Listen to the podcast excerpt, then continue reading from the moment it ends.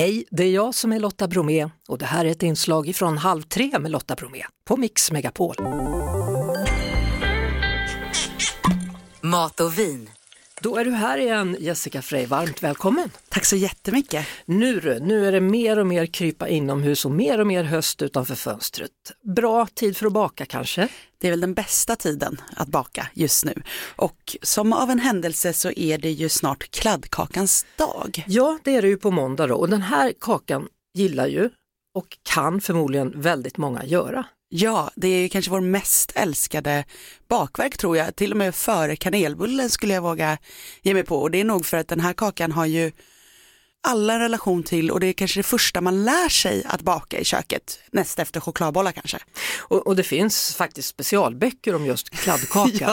ja, eh, Mia Örn skrev en bok, jag tror att det var 2003, som hette Kladdkakor och det är en av de mest sålda kokböckerna i Sverige. Den blev en brak succé och sen har det kommit väldigt många böcker med just enbart kladdkakor. Man kan ju tänka hur mycket kan man variera den?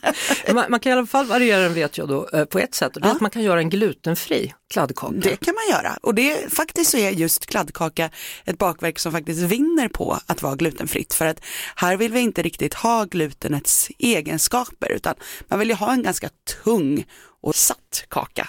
Och min bästa kladdkaka, den kom jag på när jag satte åt chokladfondant. Ja. Har du ätit det? Ja, det är väldigt gott. Det är väldigt gott. Man gör ett litet hål och så kommer det ut choklad. Ja, precis. Den är flytande inuti. Oj.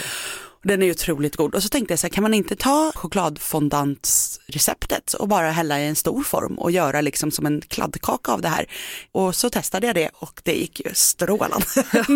Ja, du brukar göra det. ja, och då gör jag den så att, den, att det blir liksom att man gärna äter den kall. För då sätter den sig lite ändå, att den inte är så där, den rinner ut men är perfekt krämig hela vägen igenom. Så det receptet tänkte jag dela med mig av lite senare. Mm. Härligt, men äter man grädde till eller äter man glass till eller äter man det bara som den är? Jag tycker man ska ha grädde, vispad grädde som ska vara kall.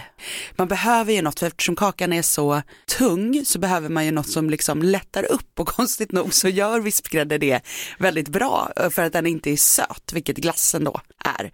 Och sen så är det viktigt med kladdkaka är ju då att man inte överbakar den så att den blir torr. Det ska inte bli muffins av det här utan våga ta ut den när den liksom är lite dallrig nästan i Oj. mitten. Alltså ja. att om man skakar den så ska den helst inte vara helt satt och sen när den svalnar då blir den perfekt. Härligt eh, och det receptet dyker självklart upp på din Instagram och ja. Eh, likaså på Mix Megapols Instagram stories. Då. Du har också ett litet supertips. Vi kan tjuvstarta julen lite ja. med hjälp av en alldeles speciell kladdkaka. Min favoritkladdkaka är nämligen saffranskladdkakan. Och nu finns det ju så många varianter, man kan göra kladdkaka med alla olika smaker. Men just saffranskladdkaka, då har man ju ingen liksom kakao i utan man kör saffran och så brukar jag ha riven mandelmassa i också. Det blir otroligt gott. Det finns ju också recept om man googlar på saffranskladdkaka får ni många träffar.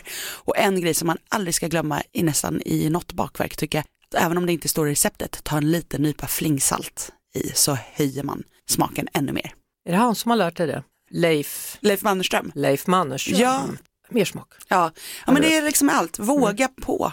Våga med socker, smör, salt, allt. allt. Rimmar också, ja. perfekt i jultid. Apropå det du började med då, att prata om rinnande choklad etc. så är det chokladens dag och det pratar vi om om en vecka. Det gör vi. Det var det. Vi hörs såklart igen på Mix Megapol varje eftermiddag vid halv tre. Ett poddtips från Podplay. I podden Något Kaiko garanterar östgötarna Brutti och jag, Davva, dig en stor dos skratt. Där följer jag pladask för köttätandet igen. Man är lite som en jävla vampyr. Man har fått lite blodsmak och då måste man ha mer. Udda spaningar, fängslande anekdoter och en och annan arg rant. Jag måste ha mitt kaffe på morgonen för annars är jag ingen trevlig människa. Då är du ingen trevlig människa, punkt. Något Kaiko, hör du på Podplay. Därför är gardinerna.